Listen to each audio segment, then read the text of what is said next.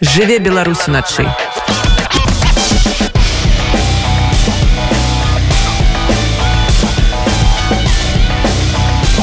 Беларускія ноцы.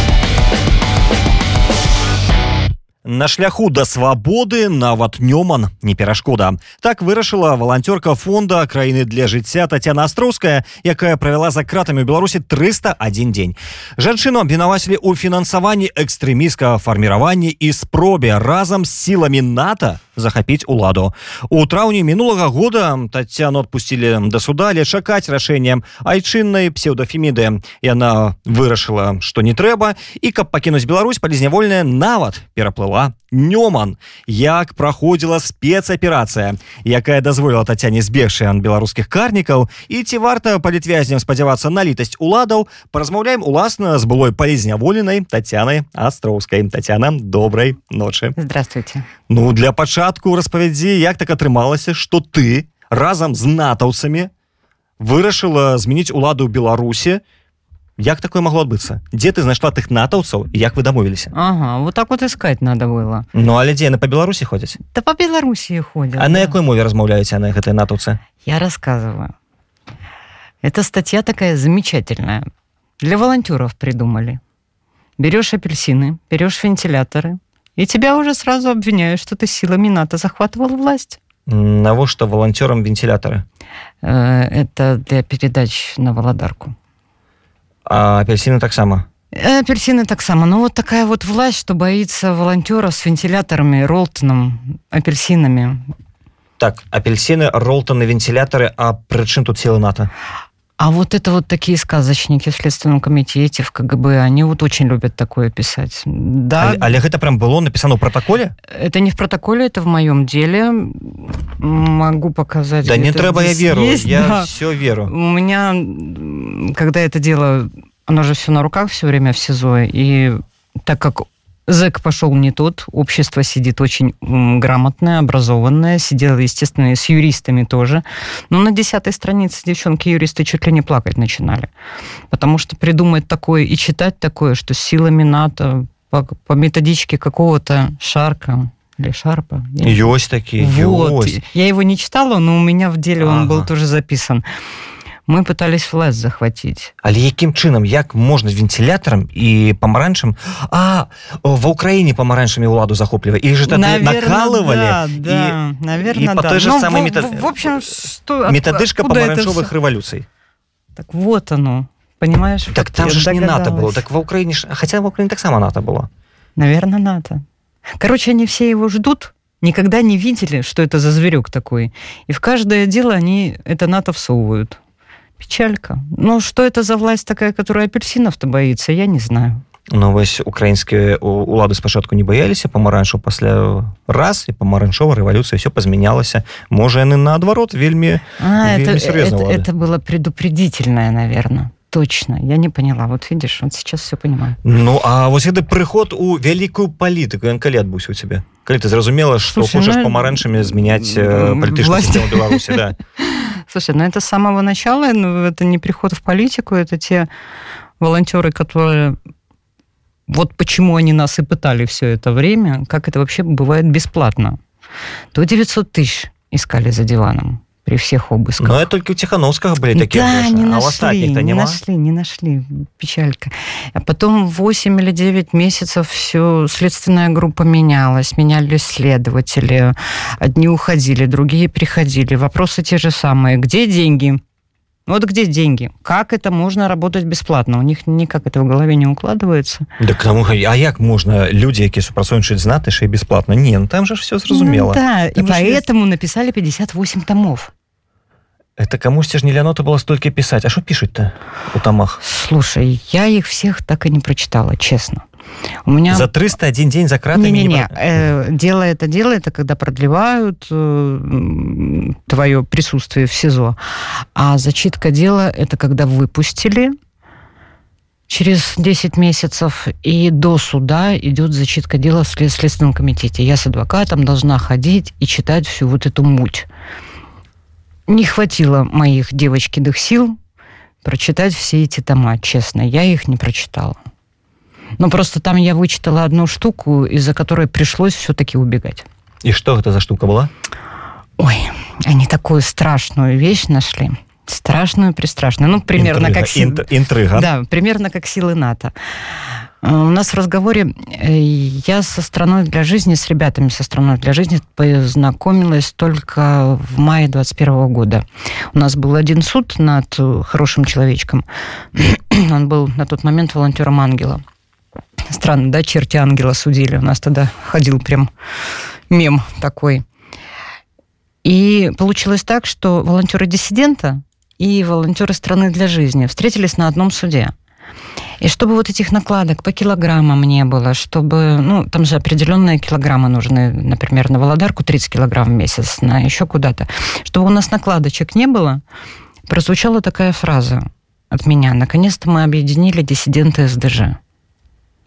Вот на данный момент я себе наговорила на три, на три пожизненных плюс расстрел. Это что за такой артикул?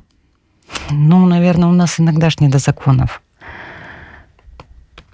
Ну, как-то выглядае вельмі сюрреалістычна а, а ты палі... ну, ты да э, какая да... политика ну, просто ну, это глядзі это двадцатый год правильно это вот да жніўня двадцатого года все было ці калі нет а калі с 20 с 20 года. А до 20 года у тебя были некие там цікавости политика некой то что а чем ну слушай они у меня были. Я и ну и, и участвовала и во всех выборах. Но это не было такого как в принципе наверное как у многих Ну, а... можна удзельнічаць у выбарах і падтрымліваць э, дзейсную ладу а можно удзельнічаць у выборах і не падтрымліваць і не падтрымліваць не под не поддерживать ничего и быть в каких-то минимально протестных движениях наверное минимальных в десятом году здесь я была в Польше на этом самом большом митинге может быть помнишь он даже больше угу. был чем в Беларуси я была здесь пыталась какие-то флаги, какие-то наклеечки перевести тогда, и мне даже польские пограничники говорят, деточка, не вези, потому что... Ну, вот ты уже цікаешься политикой, это не, не вот Слушай, это вот, категория невероятных 2020. Нет, нет, нет, я...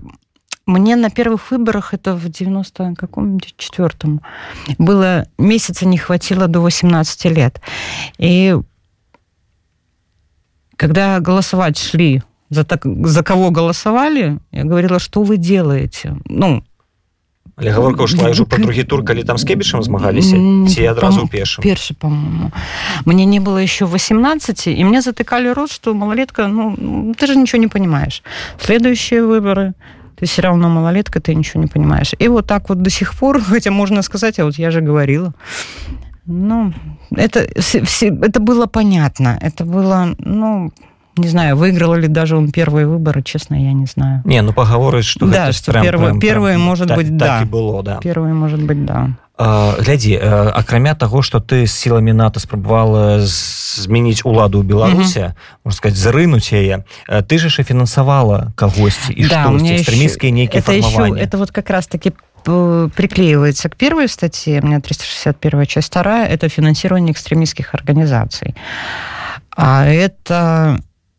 Честно, я так и не поняла, что я финансировала. Ну, так э, ты кому-то давала гроши, а кому не видала? Нет, как раз-таки не про это.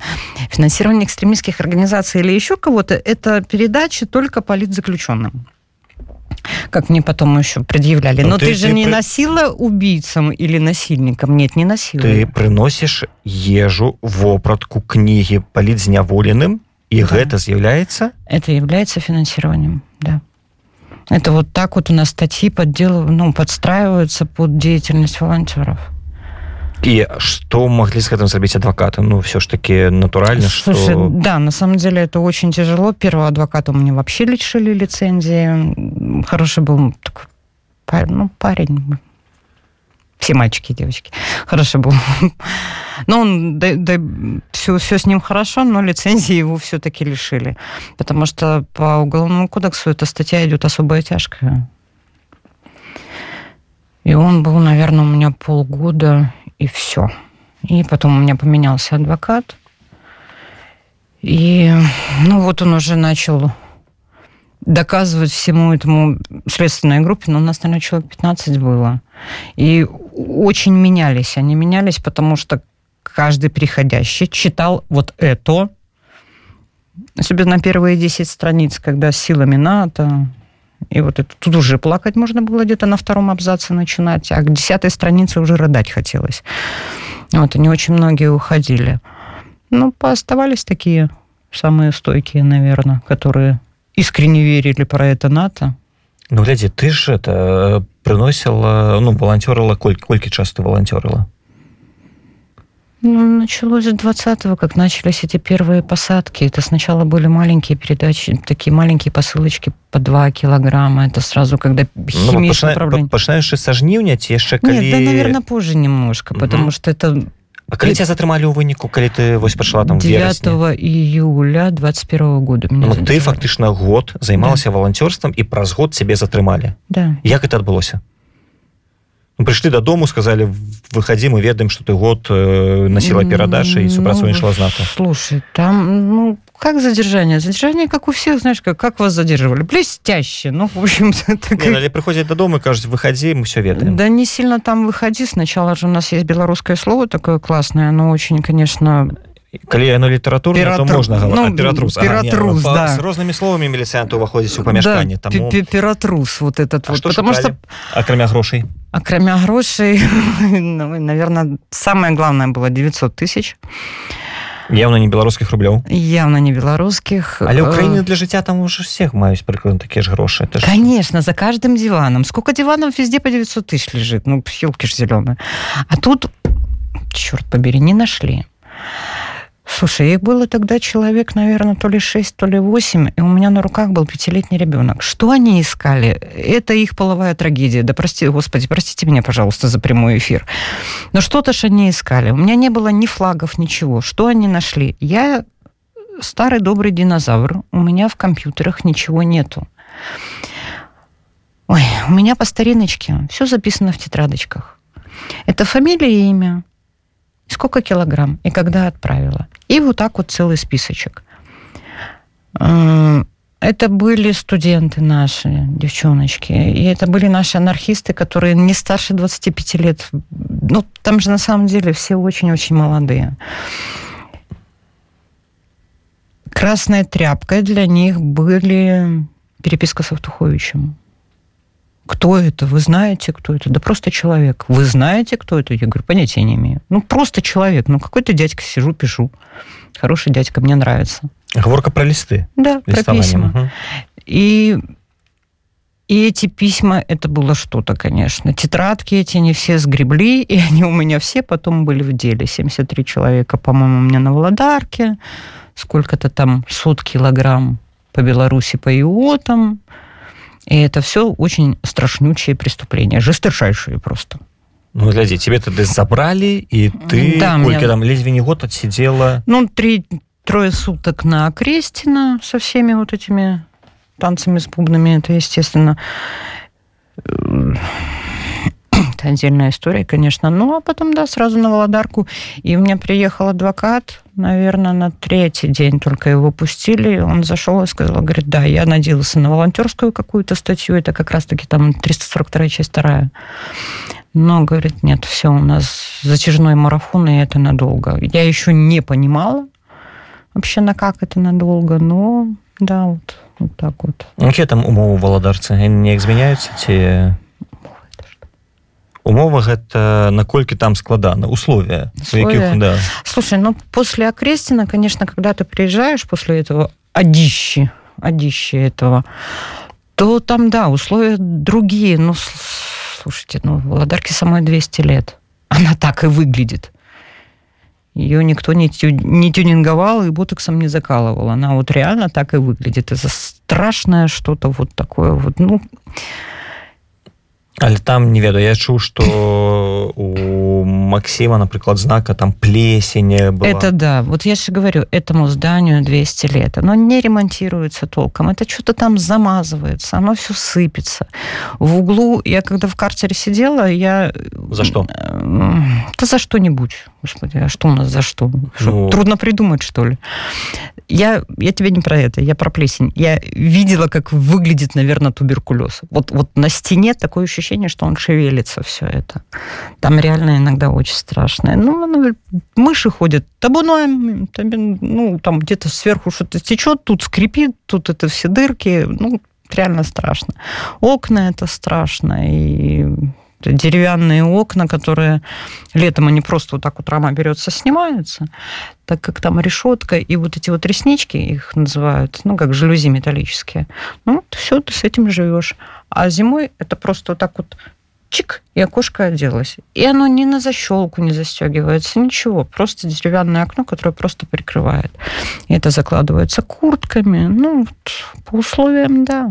А ты одна сидела? Сколько у вас там камер было? Ну, в одной камере 10, в другой 8. Их это все политычные, ці які там был подел? А, сначала было где-то 50 на 50 до, декаб... до ноября, когда начали заезжать э, комментаторы, дело Зельцера, да? Вот, вот эти вот, вот эти ребята начали заезжать. На камеру 8 человек, 6 политики. На камеру 10 человек, 8 политики. Тогда, в общем, увидеть кого-нибудь с другой статьей, это уже было, ого, ничего себе, что есть такие. В основном, да, очень много было. Потом пошла политика, потом намного больше. Ну и все такие солидарные, с больше размовляют. Да, конечно. Слушайте, тут прозвучало когда-то такое, такое выражение «Господи, прости, спасибо Губопику». Ну и КГБ, наверное, заодно. У меня же была спецоперация КГБ по... Как у меня на диссиденте было написано, вообще не писали, это была спецоперация по выявлению радикально настроенных лиц. Вот, я еще там какое-то лицо настроенное. Ну, радикально, конечно. Ну, куда-то я там настроенное лицо, да. И спасибо Губопику, что нас всех перезнакомил. Слушайте, есть, есть Беларусь, проснувшаяся, есть Минск пересидевший. С таким количеством потрясающих девчонок я не познакомилась бы никогда. Я, знаешь, я читаю Тутбай с какого-то там с 2000 года, но пересидеть совсем Тутбаем это, ну, большого стоит. Это потрясающие девчонки, они действительно все грамотные. Маринка Золотова это, ну, она вот, она правда Золотова. Она вот просто Маринка Золотова. А як так атрымалася, что тебе выпустили у меня они не нашли ни за одним диваном ничего. В моих компьютерах, кроме мультиков, не было на самом деле ничего. У меня не было ни одной карточки, ни ПСР, которые они там искали, там то литовские, то польские каких-то. Ни одна карточка Беларусьбанка, на которую я получаю детсадовскую зарплату, я нянечка в детском саду. И получаю ну, я ее стипендией называю, да, у меня удалена щитовидка, и я получаю раз в месяц свою стипендию. И вот у меня поступление денежки только зарплата и моя степуха. Угу. И все. А силы НАТО денег не платили. Представляешь? І мені... А з чого ж ти тоді в, э, приносила політзняволеним перадашки? Откуль гроши брала? А я и гроши не брала. Я брала как раз-таки апельсинами, мандаринами, а Ролтоном. Все-таки да. натовские НАТО, апельсины. Да. Натовские апельсины, купленные на, Минской, на минских жданах где-нибудь. Мне поменяли статью на 342 часть вторую, не первую вот эту вот народную, а вторую. Это тоже финансирование, только уже не в особо крупных размерах, чуть-чуть поменьше. Сузили до э, размера передачи. И ты вырашила не чекать на эту цудовную литость? Слушай, я честно, я же говорю, я верила, что, как мне говорили следователи, что отделаешься отсиженным. Честно верила. Недели три. Честно. А после? А потом, да, в общем, получилось так, что, скорее всего, я из зала суда бы не вышла. Что прилепили бы что-нибудь другое, и то другое, наверное, бы уже потянуло лет на 10. И в этот момент ты вырашила, что пора текать? Да, и начала подготавливать спецоперацию. И что же это? Вот мы и пришли на нарешті до этой спецоперации. Что за спецоперация такая? Ну, мне надо было детей вывозить. Э, и понятно, что я хотела переходить. Понятно, что мы уходим в Литву. Я по подписке о невыезде, я с поручителями. И не было других путей, как через Литву. Это в Литву, это понятно, мы все туда идем. Но на тот момент было только плыть, а малой бы... Ну, короче, с ребенком меня не брали. Мне младшему на тот момент 6 уже было, да Я в мае, да, уже было. Но все равно с- говорили, что нет. И там на самом деле я потом поняла, что нет. Поэтому у меня старший вывозил младшего. А так можна калі дзеці Ну, у меня старший совсем старше, а, угу. совершеннолетний. И поэтому, да, они... ну, тому што на іх не было ніякіх справ яны маглі вывесці А ты Да. якім чынам прабіралася ты, ты ж не поедешь там праз мяжу покажешь свой документ Нет, кажешь, конечно, это вышла со Следственного комитета и просто не вернулась домой. поехала у літву Нет, я еще позагорала чуть-чуть в лесу. В белорусском. Ну, надо же было напоследок позагорать. это які месяц быў М, Июль. ліпень загараць можна і вода нават цёплая Ну, переплывала я 2 августа. у дзень Да, п- по- поэтому когда там, товарищи... там ребята святкавалі а Слушай, ты они плавала. святковали. Они там это самое, что они там плюхаются в этих фонтанах. Вот вы Ньюман переплывите с двумя островами и, и под носом у погранцов. Ай, красиво. і яны не заўважылі калі Ну, он да. такі, пр- прафесіяналы сваёй справы Да, если бы я, наверное, была 40 этих эфиопов каких-нибудь или сирийцев, Так может, там бы они- просто правілі не яны ж з таго што распавядаюць палякі э, беларускія памежнікі яны эфіопам і сірыйцам самі дапамагаюць на машине іх падвозіць паказаць вот, Ну, вот- ідзіце вось сюды А я не эфиоп, короче. Ну, в общем, они на меня не сильно-то обратили А внимание. вы спортсмен ці што вот як можна пераплыць нёман Вот, Гэта ж вот там- этот вот вопрос мне задали, в общем мне задали как раз-таки литовские погранцы, потому что, ну, в общем, переплыла, телефон потеряла, вещи потеряла, все утонуло. ты у вопрацы пераплывала у вопр... ну в сэнсе в адзежцы Да, я, если честно, наверное, надо было, может быть, спортивный костюм снять или что-нибудь, но, во-первых, это страшно. Ты Это- была з дакументамі вот што ў тебе было пры сабе У меня были какие-то минимальные вещи, грубо говоря, кроссовки, там еще одни штанишки в черном пакете, просто его надуваешь, чтобы он хоть как-то был каким-то минимальным плавсредством. Ну, что-то утонуло, и все, как была в спортивном костюме, и не надо было, наверное, снять. Наверное, было бы легче.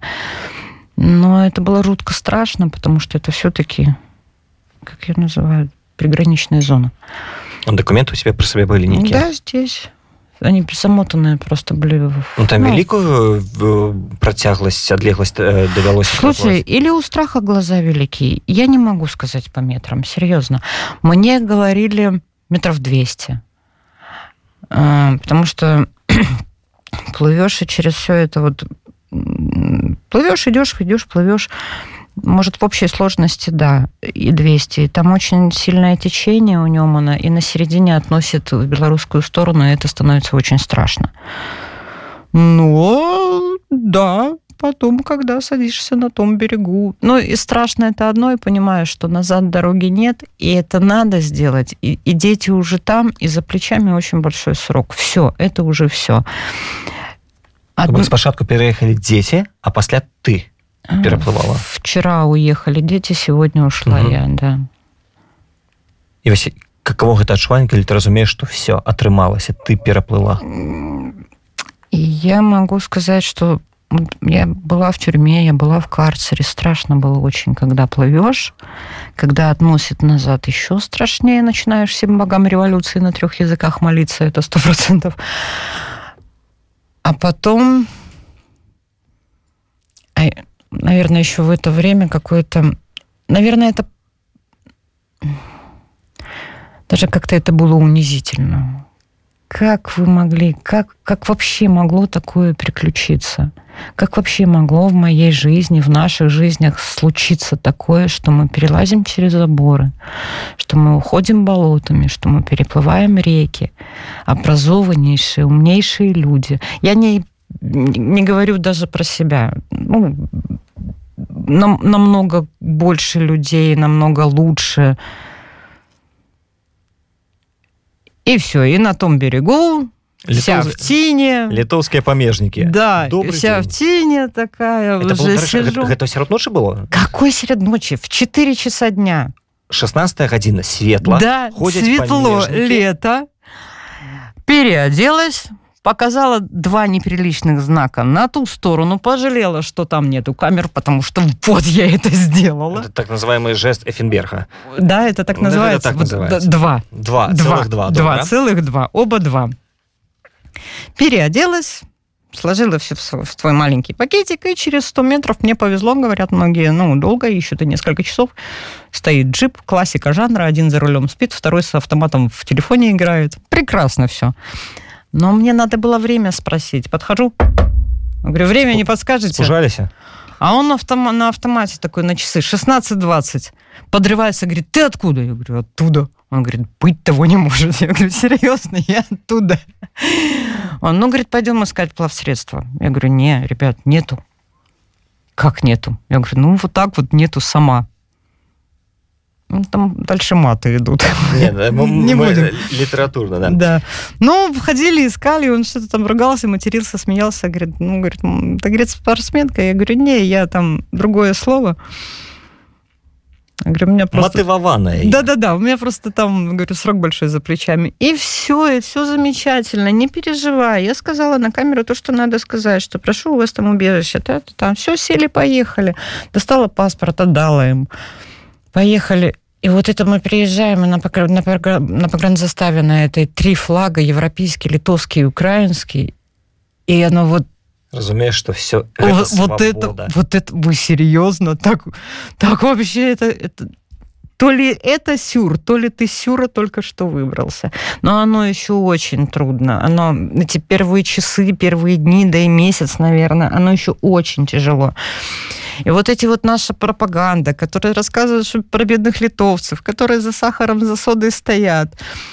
Идет этот погранец, говорит, кушать хочешь? Я не, не знаю, я еще сообразить не могу, что я хочу. На тебе помыться, на тебе полотенце, сейчас мы тебе сухпайок принесем. Я, да не, ребята, что? Мы сейчас принесем красная рыба, оливки, маслины, кофе, чай, хлеб, еще вот. Я говорю, это сухпайок, да?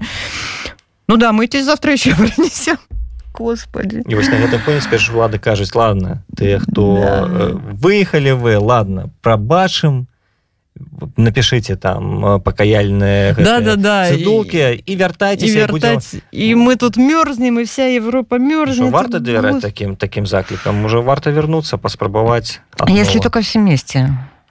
Все вместе. И на джипах с четырех сторон. Я, да. з чатырох пазіцый Да, Однозначно.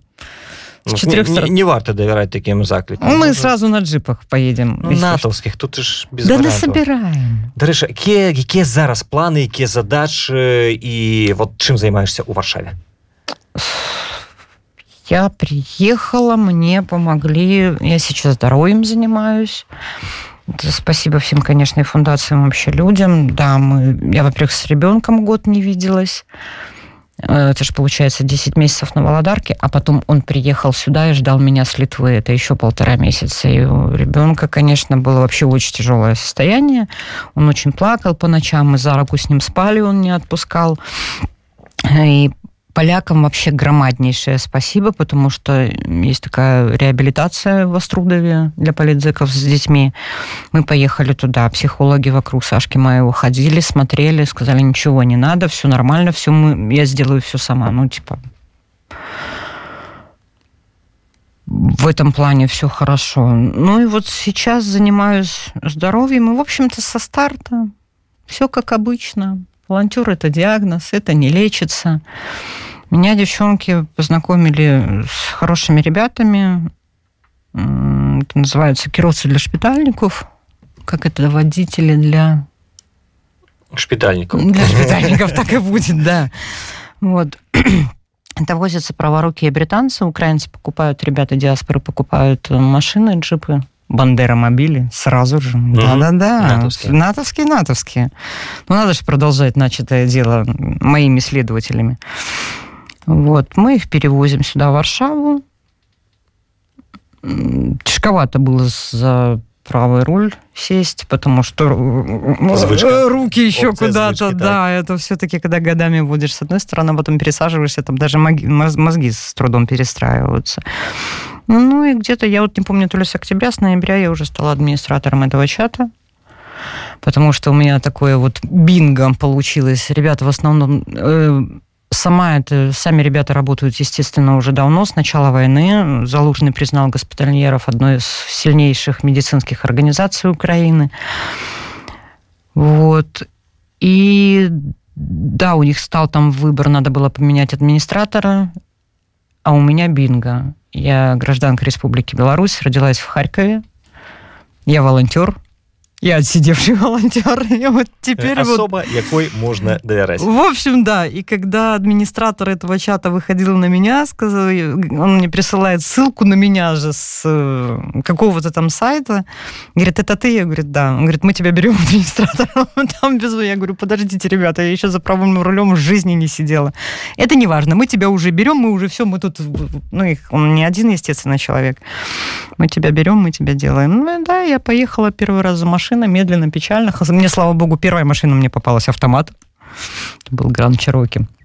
Ну, а так в основном, да, это Эльки, вот эти Nissan Эльки, Mitsubishi Эльки здоровущие. Ты и тут смогла себе знайти. Да, работать я не работаю, я занимаюсь здоровьем, у меня до сих пор занимаются моим позвоночником, потому что у меня действительно очень большие проблемы после отсидки. Но волонтерить, я не знаю, меня, наверное, легче застрелить, чтобы прекратить это делать. Ну, блин, это кайфово. Эти машины я потом вижу в видео и... Разумеешь, что непосредственно Да, я еду 500 километров, больше 500, там с определенной границы мы едем до Варшавы, у меня над головой гремят носилки, у меня воняет от каких-то медикаментов, а потом я эти носилки вижу в Бахмуте, фотографируют оттуда. Ну, большого стоит. Я не смогу. Мне предлагали переехать с Варшавы в другой город. Я бы с удовольствием с этой девочкой поехала. Прекрасная девчонка, но я все не могла понять, почему я не могу уехать с Варшавы. А как я их брошу? А как я это? Я не смогу оттуда ездить, мне надо быть здесь, и, и все, мне надо быть здесь. Гэта і называется волонтер Татьяна вялікі жаль у нас час нашай размовы падышоў до конца. Хочу тебе падзякаваць і нагадаць нашим слухачам что сёння гусцей рады унет была былая палідзняволеная теперь не бывает. Окей, волонтер актуальны волонтер і будучы волонтер э, Татьяна астровская дзякуй яшчэ раз. Вам спасибо большое жыве беларусь начай